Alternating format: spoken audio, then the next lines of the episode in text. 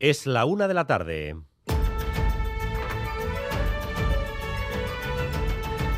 Crónica de Euskadi con Dani Álvarez.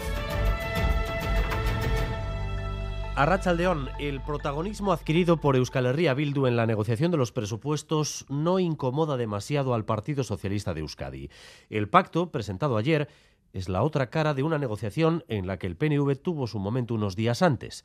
Eneco Andueza ha dicho esta mañana en Boulevard que lo importante es que esas negociaciones mejoran el proyecto de presupuestos. Cuantos más partidos los voten, mejor. Y en la gobernabilidad, contra lo que dijo Antonio Ortúzar, no hay socios preferentes. Yo no hablaría de socios preferentes. Yo insisto, aquí de lo que se trata es de, de ver para qué queremos acordar. ¿no? El Partido Socialista siempre ha estado abierto al diálogo, a la búsqueda de acuerdos, de entendimiento entre diferentes. Eso decía cuando a primera hora en Boulevard. No quiero otorgar más protagonismo al PNV que a EH Bildu. En Euskadi, el socio del PNV ha descartado además que pueda haber finalmente acuerdo presupuestario con el PP de Iturgaiz. En este sentido, el PNV ha vuelto a criticar la actitud de EH Bildu en esta negociación y se fijan en Mayalen Iriarte. Esta es la razón que ve Ichaso Atucha en declaraciones a Radio Popular. Aquí no hay voluntad, lo que hay es un momento preelectoral en el que la candidata a diputada general de Guipúzcoa por Bildu eh, no puede aparecer firmando estas cuestiones.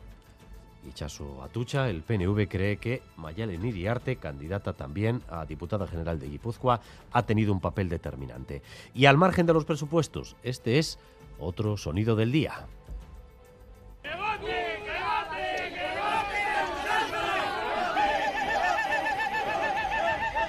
La gente de Usánsolo celebrando que su pueblo es ya el municipio 113 de Vizcaya. Las juntas generales le han dado hoy el sí a una reclamación que viene desde los 80. Hola Charriola vengo a Rachaldeón. A Rachaldeón, como era esperado, PNV, EH Bildu y el Carrequín Podemos han permitido la aprobación del expediente de segregación de Usánsolo. Ana Otadi, presidenta de las Juntas Generales. Emaitza urrengoa da, guztira berrogeta beratzi boto eman dira, baiezkoak izan dira eta meretzi, ezezkoak izan dira sortzi, astentzinoak bi, beraz, onartutako batzordeko irizpena eta ondo etorria usan solo herria.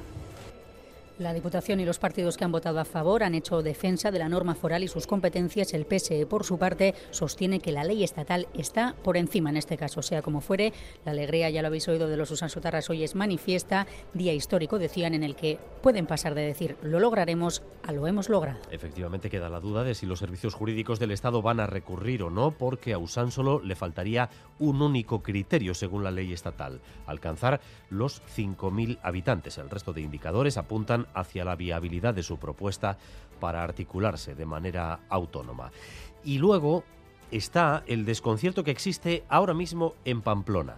Esta mañana fuentes del alcalde, fuentes cercanas al alcalde Enrique Maya, han dado por seguro que se iba a retirar, que no optaría a la reelección en las elecciones de mayo, lo que ponía la pelea por la alcaldía de Pamplona todavía más emocionante. Pero a media mañana, Maya ha empezado a regatear a todo el mundo rectificando sin rectificar. Y lo cierto es que ahora mismo no sabemos si va a ser candidato o no va a ser candidato.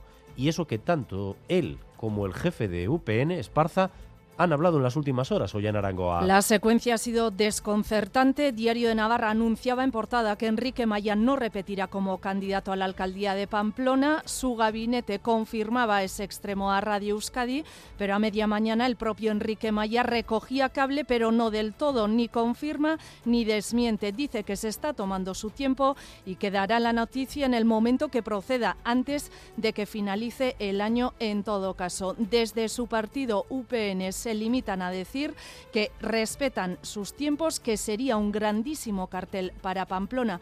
Y es que está claro que Enrique Maya ahora mismo es un activo político importante en el Partido Regionalista, gobierna y gestiona la capital Navarra y lo de hoy demuestra que UPN no tiene por el momento una ruta clara. Ayer el Ministerio de Economía alcanzó un acuerdo con los bancos para proteger a las familias más vulnerables de la subida de las hipotecas. El acuerdo, recuerden que es voluntario para la banca. De momento, Cuchabank y Laboral Cucha se lo están pensando, Rodrigo Manero. Sí, las dos principales entidades en Euskadi están analizando los detalles que se acaban de publicar hoy en el BOE y las implicaciones de estas medidas. En Cuchabank nos dicen que tienen vocación de ayudar a los clientes hipotecados, pero que aún analizan su impacto porque, entre otras cosas, requeriría de mucho desarrollo informático interno. En Laboral Cucha dicen también que su voluntad es adherirse, pero que hay muchos detalles a tener en cuenta. La patronal estatal de la banca asegura que las entidades irán sumándose poco a poco. El gobierno confía en que todo esté en marcha para el próximo 1 de enero.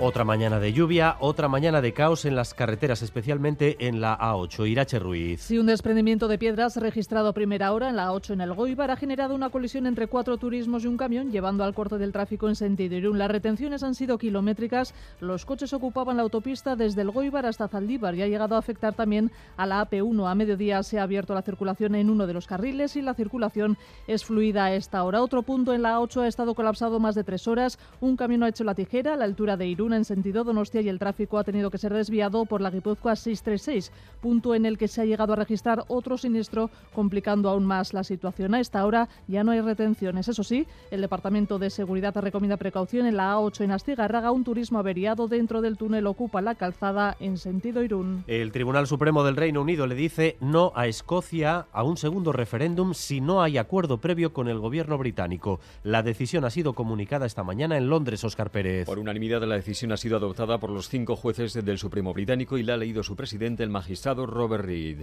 The Scottish Parliament does not have the power to legislate for a referendum on Scottish independence. El Parlamento escocés no tiene el poder de legislar en torno a un referéndum, ha leído el presidente del tribunal. Justifican la decisión porque las competencias sobre la unidad del Reino Unido están en Westminster. La ministra principal de Escocia asegura que respetan el fallo, pero advierte que se rompe el mito de que el Reino Unido es una unidad voluntaria. Análisis que destaca también el profesor de ciencia política de la Universidad de Edimburgo, Daniel Cetra. Esto crea un agravio importante en Escocia porque en teoría el Reino Unido es una unión voluntaria, pero la Corte ha establecido taxativamente que no hay una vía legal hacia la independencia sin permiso de Londres.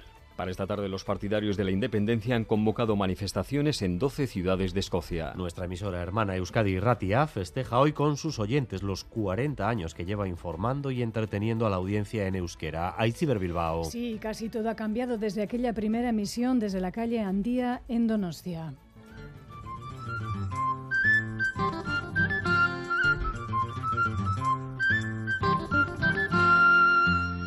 Egunon entzulea gorgarriok. Zuekin, Euskadi... Se mantienen, eso sí, la profesionalidad de sus gentes y el apoyo incondicional de la audiencia. Euskadi Ratia celebra hoy su trayectoria de 40 años de referencia en la radiodifusión en euskera, de información, entretenimiento y apoyo a la difusión de nuestra lengua. No podía ser de otra manera. Radio Euskadi se suma a las felicitaciones. Gaur egun berezia da. Segi horrela, gertu. Zorionak. Urte askotarako, mi esker. Beste berrogei urtez, hor, jotake. Y las jornadas de música, igualdad y LGTBIQ analizarán la visibilidad de la situación del colectivo en el sector musical mañana y pasado en Tabacalera. Es un evento que organiza Música Bulegua. Entre las participantes, la cantante Eusko Princes. Para ver que es un primer paso o para reivindicar un poco en plan que existimos, que estamos aquí, que también podemos ser artistas, que somos cantantes igualmente y no solo eh, motivo de burla o de circo, ¿no? como antiguamente. Pero sí que creo que es todavía un primer paso y que hay muchas cosas que hacer y quitarse estigmas para que se nos dé más visibilidad, que podamos compartir otros eventos a nivel nacional o solo en Euskadi o internacional incluso. Y vamos también con lo más destacado del deporte, con Álvaro Fernández Cadierno, Arrachaldeón Álvaro. Arrachaldeón hoy con Euroliga y Mundial. En Qatar acaba de concluir el Marruecos 0, Croacia 0, con minutos para el rojillo Abde, pero no para su compañero Nosasuna, para el croata Budimir. A las 2 se juega la Alemania-Japón de taque cubo. A las 5 el España-Costa Rica con Unai Simón titular. Y a las 8 el Bélgica-Canadá. Y en la Euroliga de baloncesto, 8 y media de la tarde en el Buesa Basconia, Zalgiris de Kaunas. Gracias un día más por elegir Radio Euskadi y Radio Vitoria para informarse. Raúl González y Maitane Bujedo se encargan de la dirección técnica, a Ichiber Bilbao de la coordinación.